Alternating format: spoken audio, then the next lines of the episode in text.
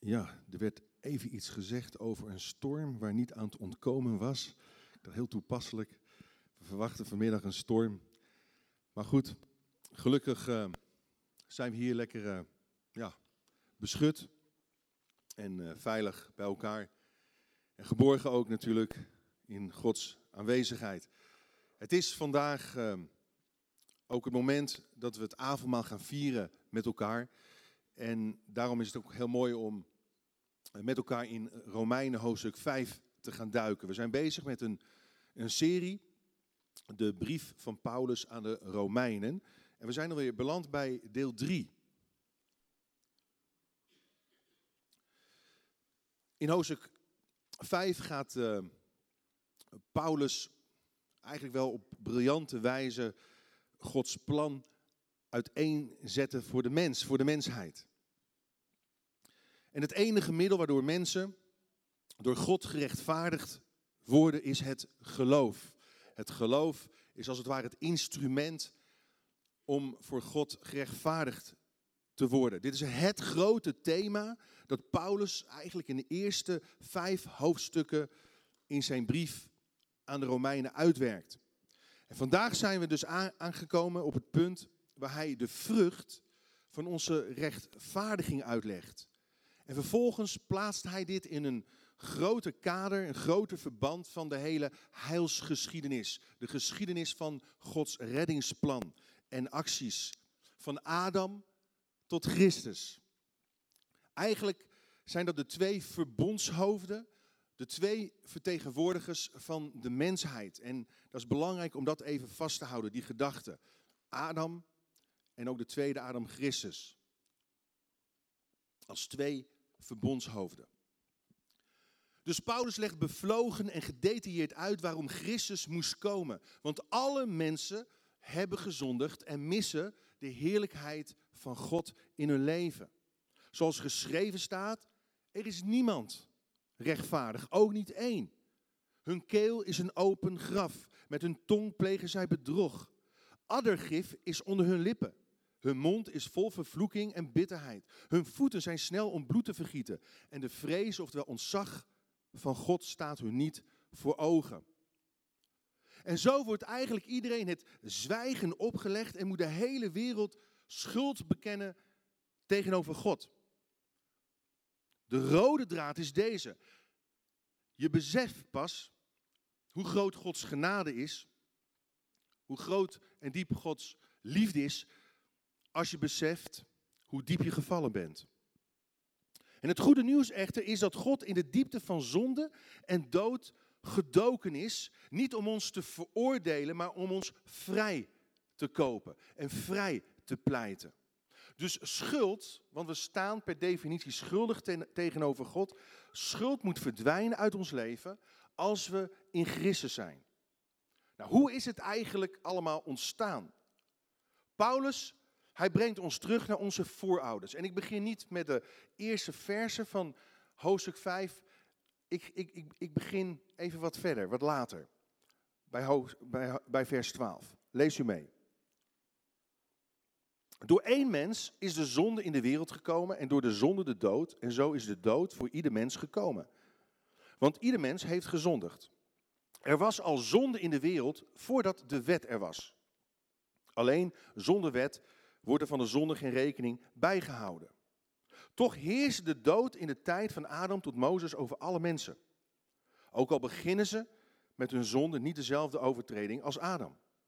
Begingen ze niet dezelfde zonde. Nu is Adam de voorafbeelding, oftewel een type, een beeld van hem die komen zou. Nou, het klinkt allemaal best wel ingewikkeld, wat theologisch, maar toch is het, is het een prachtig mooi Mooi stuk evangelie wat hier uiteen wordt gezet. Ten diepste, en daar komt het op neer, beantwoordt Jezus aan de intenties die God met de mensheid heeft. Jezus vervulde precies aan de verwachtingen die God had met de mens. God had bij de schepping van Adam het oog al op de tweede Adam, op Christus, die daarom in het plan van God ook de eerstgeborene van de hele, van de ganse schepping is. En de reden dat we schuldig zijn, heeft met ons DNA in Adam te maken. De eerste mens op aarde. Uit het stof van de aarde blies God zijn adem en schiep, formeerde hij de mens. We zijn eigenlijk niet meer dan, dan stof, dan een hoopje aarde. Maar het is de geest van God die orde in de chaos van ons leven schept en leven geeft. En ons kneedt en vorm, vormt zoals eigenlijk klei in de handen van de pottenbakker. Wat ons onderscheidt ten opzichte van alle andere wezens op aarde, is dat we naar Gods beeld geschapen zijn. Dat wil zeggen, God schiep de mens als een moreel, verantwoordelijk, aanspreekbaar en aansprakelijk wezen. We zijn morele wezens. En God heeft het gewaagd om de mens een hele bijzondere, sterke positie op aarde te geven. Niet alleen om te heersen over de aarde, de aarde tot ontwikkeling te brengen. Hij nam het risico om ons een vrije wil te geven. De macht van de keuzemogelijkheid. En de Heer gebood de mens, Genesis 2, vers 16, van alle bomen van de hof mag u vrij eten, maar van de boom van de kennis, van goed en kwaad, daarvan mag u niet eten. Want dan zullen uw ogen geopend worden en dan zult u sterven. Dus wat doet God? Hij plaatst een mens in een tuin, in de Hof van Eden, en hij plaatst daar een verbodsboom. En de verbodsboom staat eigenlijk als stille getuige dat God, de Heer, boven de menselijke heerschappij staat. Dat Hij de enige wettige eigenaar van mens en wereld is. En de mens wordt dus geplaatst op de tweesprong van de keuze: leven en dood, zegen en vloek. Waarom doet God dat? Anders zou de mens een deugdautomaat, een, een deugdrobot zijn geworden. Een voorgeprogrammeerd computerprogramma. En Adam en Eva hadden dus de keuze. Maar ze hadden eigenlijk alles. Eden, dat kan ook vertaald worden met overvloed, met luxe. Ze hadden alles wat een hartje begeerde. Toch liet Adam zich verleiden door de slang en eet van de boom met alle gevolgen van dien. Dus zonde wordt overgedragen vanaf dat moment op de volgende generaties. Iedereen die geboren wordt na Adam, wordt dus met een zondige natuur geboren. De macht van zonde is aan ons verkleefd. zo kiest de mens tegen Gods heerschappij en breekt heel bewust met God. Heel bewust. En in Adam hebben wij dus allemaal gezondigd. De mens wilde als God zijn en Satan roofde zijn kroon. En er ontstond een nieuwe rechtsorde. En dat is deze. De wereld ligt onder invloed van de boze. En zonde als een macht beheerst nu de mens. En het enige tegengif, de enige remedie is het reinigend bloed van die tweede Adam. Die zonder zonde geboren is. Het is Jezus, het bloed van Jezus, die ons autoriteit geeft over de boze. En de rechtsorde weer kwam herstellen. Want de morele, universele balans was uit balans geraakt. Kortom, zegt Paulus, lees u mee. Zoals de overtreding van één enkel mens ertoe heeft geleid dat allen werden veroordeeld, zo zal de rechtvaardigheid van één enkel mens ertoe leiden dat allen worden vrijgesproken en daardoor zullen leven. Zoals door de ongehoorzaamheid van één mens alle mensen zondaars werden, zo zullen door de gehoorzaamheid van één mens alle mensen rechtvaardiger worden. Wauw, is dat niet geweldig? Maar tot de komst van Christus, die tweede mens, die tweede Adam, die tweede vertegenwoordiger, eigenlijk weer van de nieuwe mensheid, de nieuwe schepping, had de wet, de wet van Mozes, een pedagogische functie. De wet was als het ware een soort van leermeester. De wet openbaart zonde. En in die zin veroordeelt de wet ons. Want de wet laat zonde kennen, zegt Paulus. Maar de wet had niet de macht om ons innerlijk vrij te maken van de macht van de zonde. De grootste bijdrage van de wet is dat het ons eigenlijk leidt tot vertrouwen in Christus, in zijn werk aan het kruis, in zijn bloed. Dus vult u maar in, lees u mee. Het doel van de wet is dat het ons wijst op de noodzaak van een redder. Dat was door de eeuwen heen het doel van de wet. De functie van de wet. hey, je hebt een redder nodig. hey, je hebt iemand buiten jezelf om nodig om je te kunnen redden, om je te kunnen vrijmaken, om je te kunnen vergeven, om je te kunnen verlossen van de macht van de zonde. En zo zegt Paulus, later is de wet erbij gekomen, zodat de overtredingen toenamen. Maar waar de zonde toenam, werd ook de genade steeds overvloediger. Nou, wat betekent dat nu concreet voor ons? Luister, wat we door de zonde van Adam hadden verloren, waren kwijtgeraakt, heeft Jezus door zijn gehoorzaamheid voor ons teruggewonnen. De schuld is betaald. Dat gaan we straks ook vieren met het avondmaal. Gods toorn over de zonde is doorleden en doorstreden. De straf is volkomen gedragen. De straf die ons de vrede brengt is uitgeboet. De vergeving van zonde heeft nu een vaste grond gekregen. En Paulus vat dat kort, maar krachtig samen in één zin. Lees je mee. Romeinen 4, vers 25. Jezus is overgeleverd om onze overtredingen, onze misstappen, onze zonden. En opgewekt om onze rechtvaardiging. Rechtvaardiging. Het sleutelwoordje in de Romeinenbrief. Wat betekent rechtvaardiging? Misschien ben je hier voor het eerst. Waar heeft die man het over? Rechtvaardiging? Nou, rechtvaardiging betekent dit. Het betekent niet anders dat we in de juiste verhouding tot God zijn gekomen. Door geloof, door vertrouwen in Jezus. Zijn gerechtigheid, zijn volmaakt karakter wordt eigenlijk op mijn rekening overgeschreven. Ik stond in de min, maar door zijn offer aan het kruis, door zijn bloed, sta ik nu in de plus bij God de Vader. Hij gaf mij wat ik zelf niet kon verdienen of verkrijgen. Dus met andere woorden, en dit is heel belangrijk, door de rechtvaardiging is onze rechtspositie veranderd. En dit is van cruciaal belang als je een overwinnend geestelijk leven wil leiden. We staan niet meer in Adam, nee, we staan in Christus als hoofd van de nieuwe mensheid. En de Vader, als Hij naar ons kijkt, God de Vader, als Hij dan naar jou kijkt, dan ziet Hij niet meer die oude mens, die gevallen mens. Maar Hij ziet in jou, in mij, de nieuwe mens in Christus. Ik strijd en ik vecht niet meer om een bepaalde positie te verkrijgen. Ik strijd en leef vanuit een positie van overwinning, van rechtvaardiging en van volkomenheid in Christus. Dat is zo mooi als je, als je dat gaat ontdekken. Maar even nu, wat is precies het verschil tussen rechtvaardiging en heiliging? Want God zegt, ik ben heilig, dus, dus uh, wees heilig en tegelijkertijd word heilig. Nou, lees je mee. Rechtvaardiging is positioneel van aard. Is eenmaal verkregen, vult hem in, positioneel. Het is indicatief, het is aantonend. Het toont aan wat je nu bent. Je bent in Christus rechtvaardig verklaard. Heiliging is conditioneel. Het is progressief in werking. Het is imperatief, oftewel gebiedend. Word heilig. Waarom is dit zo belangrijk om het onderscheid hier te maken? Omdat heel veel mensen, ook al hebben ze Jezus leren kennen, proberen om zich op te werken tot een bepaalde positie, om iets te verkrijgen. En, en, en dan, is het, dan is het een torenhoge last die ze dragen, want ze voldoen nooit aan dat volmaakte beeld van God in Christus. Maar God, hij draait het om. Hij hé, hey, wacht even. Je hoeft er niet meer voor te werken. Je hoeft er niets meer aan te doen. Want God de Vader ziet door mijn zoon jou als volmaakt. Als compleet. Als, als gezegend, als gezalfd.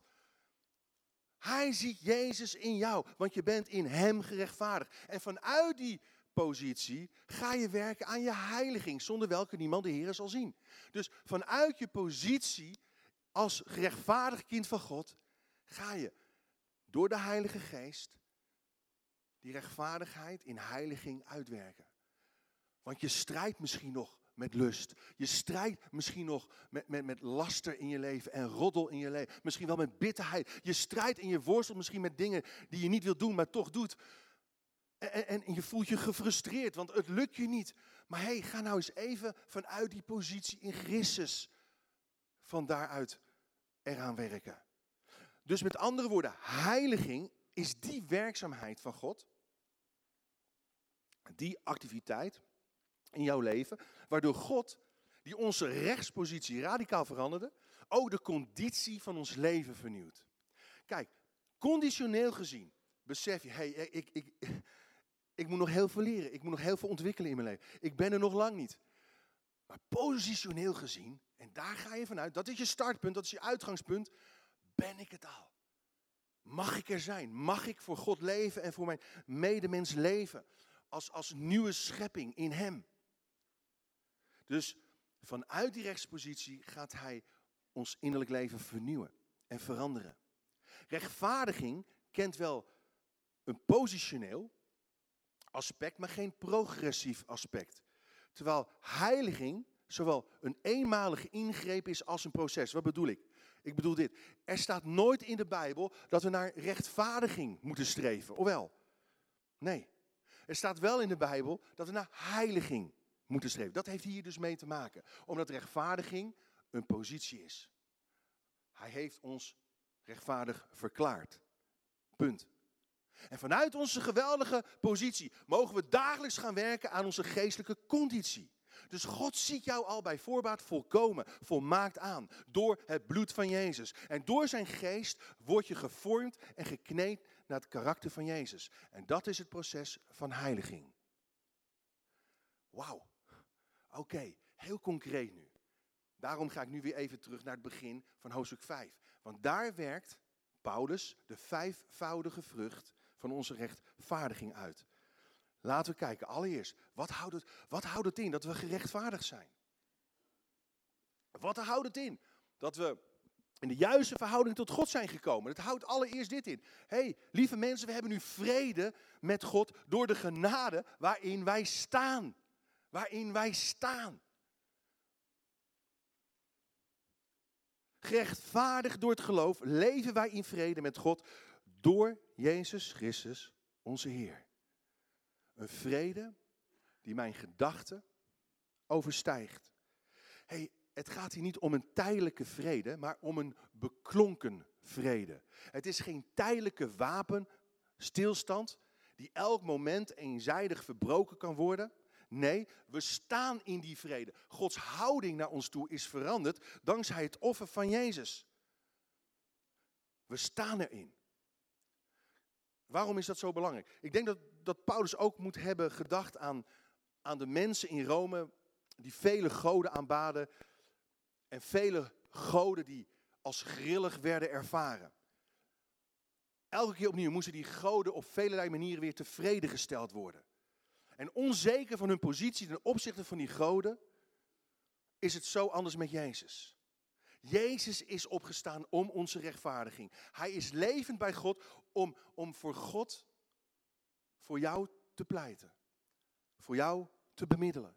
Jou te vertegenwoordigen. En zodoende hebben we een blijvende toestand van vrede gekregen. De vijandschap tussen ons en God is verbroken. De toorn van God die eigenlijk op ons lag, omdat wij per definitie allemaal schuldig waren,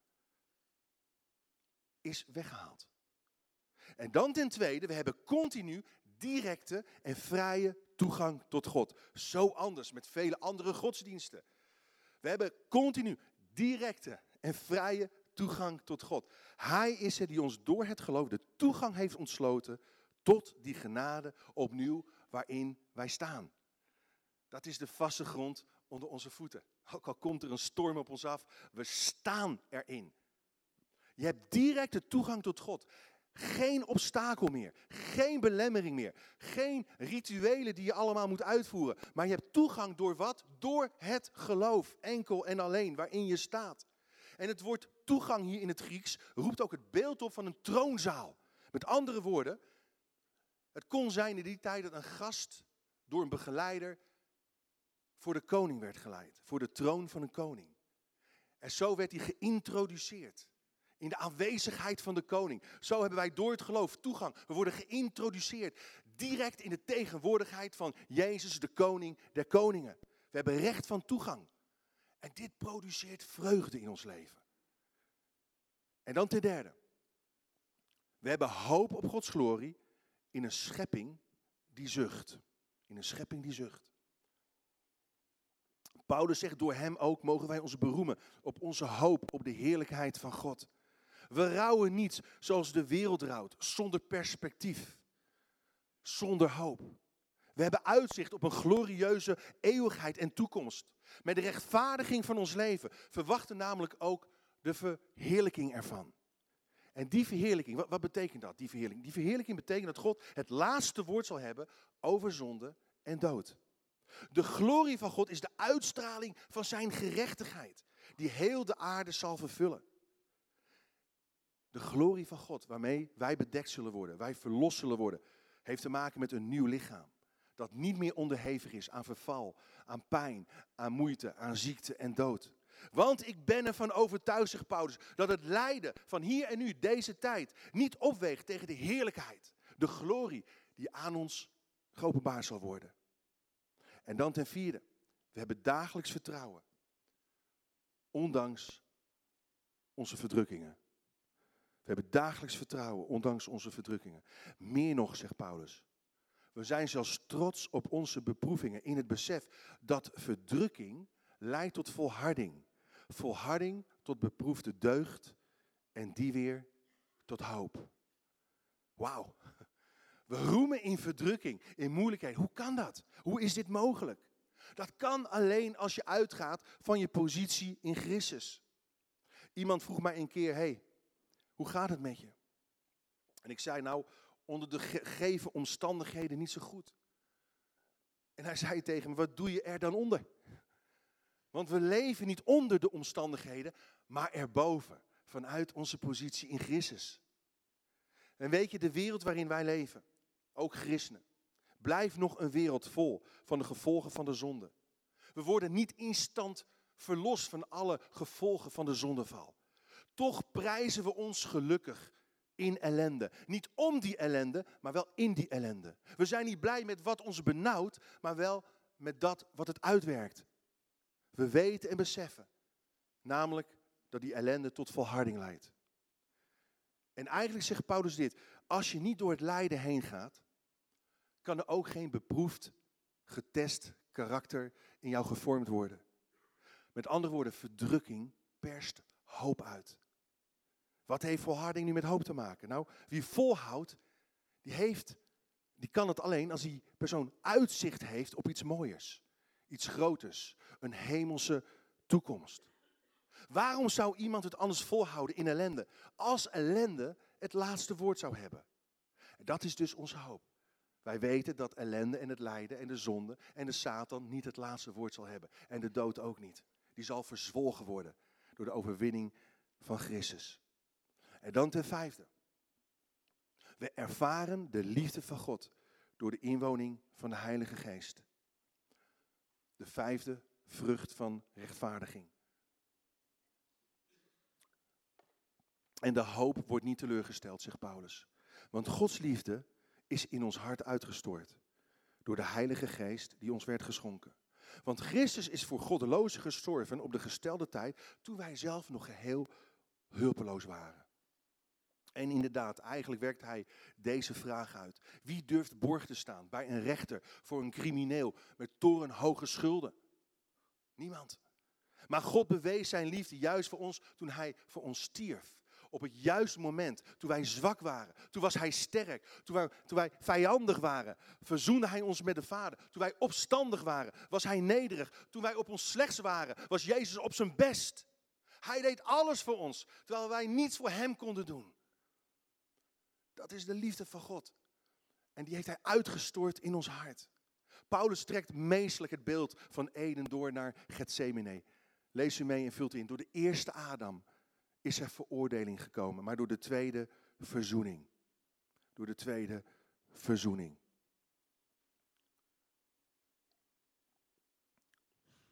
Verzoening is verbinding. Verzoening is heling. En God echter, zegt Paulus, bewijst zijn liefde voor ons juist hierdoor dat Christus voor ons is gestorven, toen wij nog zondaars waren.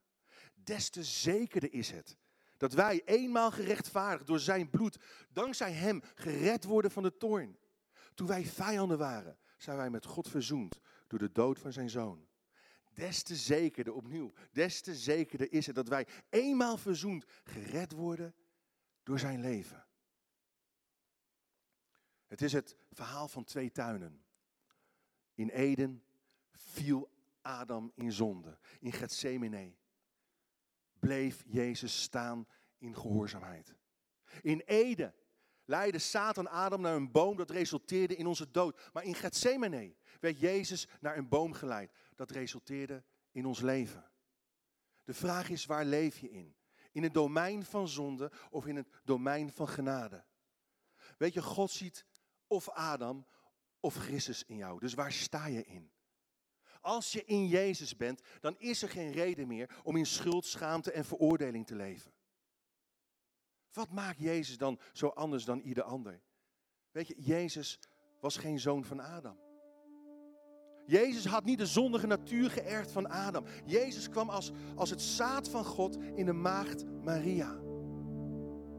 Die Maria overschaduwde met zijn kracht. En dat heilige kind Jezus verwekte. Hij droeg niet het DNA van Adam. Hij droeg het DNA van God de Vader. En in de tuin Gethsemane, ook daar werd hij beproefd. O Heer, laat toch deze beek aan mij voorbij gaan. Nee, nee, nee, toch maar niet. Niet, niet mijn wil, maar uw wil zal gedaan worden. En zo volbracht hij. Zo volbracht hij de wil van God ten volle en ten diepste. Hij is gehoorzaam geworden tot aan de dood van het kruis. Hij gaf niet op. En, en, en met, hij deed het met een, bepaalde vreugde, omdat, omdat hij vooruit kon zien wat voor resultaat het zou gaan hebben. Zoveel miljoenen mensen wereldwijd, door alle eeuwen heen, die gered zouden worden door zijn offer. Aan het kruis veranderde hij in de boom des levens. Alle zonden in het verleden, in de heden en in de toekomst werden door hem aan het kruis geslagen. Jouw zonde, ook die je nog gaat doen, die, die heeft hij al aan het kruis geslagen. De eerste Adam bracht de vloek over ons, maar de tweede Adam de zegen. Wat een genade. En wat in Adam begonnen is, het negatieve is in Christus geëindigd. En in feite stopgezet. Weet je, daarom is genade niet goedkoop. De theoloog Bonhoeffer, hij zei het volgende. Genade mag niet gebruikt worden als een rustbank of, of een sofa om op te slapen. Als excuus voor morele en geestelijke slapheid. Wie de genade zo gebruikt, heeft deze genade nooit gekend, nooit geproefd. Begenadigde mensen zijn dankbare mensen. Die hun hele leven bezig zijn met het vertalen van die dankbaarheid in hun dagelijks leven. Zullen we dat voor ogen houden? Zullen we onze hoofden buigen, onze ogen sluiten? Allereerst wil ik vragen. Heb jij vrede met God? Ervaar jij dat je directe toegang tot God hebt? Heb jij hoop op een betere toekomst? Heb jij vertrouwen in ellende, ondanks ellende? Omdat je in Christus verzekerd bent, geborgen bent. Heb jij Gods liefde in je leven al toegelaten of leren kennen? Heb jij de goedheid van God geproefd in je leven? Als je dat nog niet hebt, als je dat nog niet kunt zeggen, nog niet kunt beleiden, ik wil je uitdagen om die keuze te maken. Ook vandaag kan het zijn dat je op die tweesprong van de keuze bent. Waar kies je voor? Ga je verder in Adam of ga je verder in Christus? God is hier door zijn geest om jou ook rechtvaardig te verklaren. Waardoor jij ook kan gaan zeggen: Oh God, ik mag u aanroepen als mijn vader door de Heilige Geest. En ik mag een kind van u zijn. Ik mag een kind van u worden. Zijn hier mensen die zeggen ja, dat wil ik. Steek dan op dit moment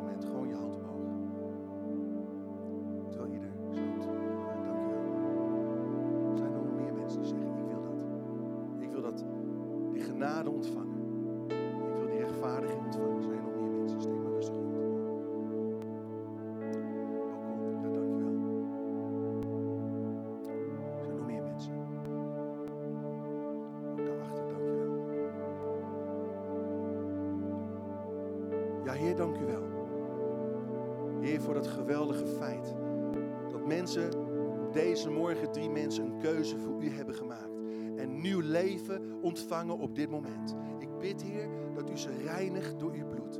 Dat u ze vergeeft van hun zonde. En Heer, dat ze als een nieuwe mens in Christus hier vandaan mogen gaan. Heer, dank u voor dat evangelie. Dank u voor dat goede, nieuws. Dank u wel, Heer, voor uw bevrijdende heerlijkheid en macht en majesteit. Heer, zegen ze in Jezus' machtige naam. Maar ik bid ook voor een ieder van ons. Heer, dat we mogen blijven staan in die vrede. In die toegang tot God. In die hoop op een betere toekomst. In dat vertrouwen te midden van ellende en beproevingen. Heer, dat we mogen blijven staan in die liefde van God die we mogen ervaren elke dag opnieuw. Dat we die liefde aan elkaar en de mensen om ons heen mogen doorgeven. Zegen ons zo. In Jezus' machtige naam.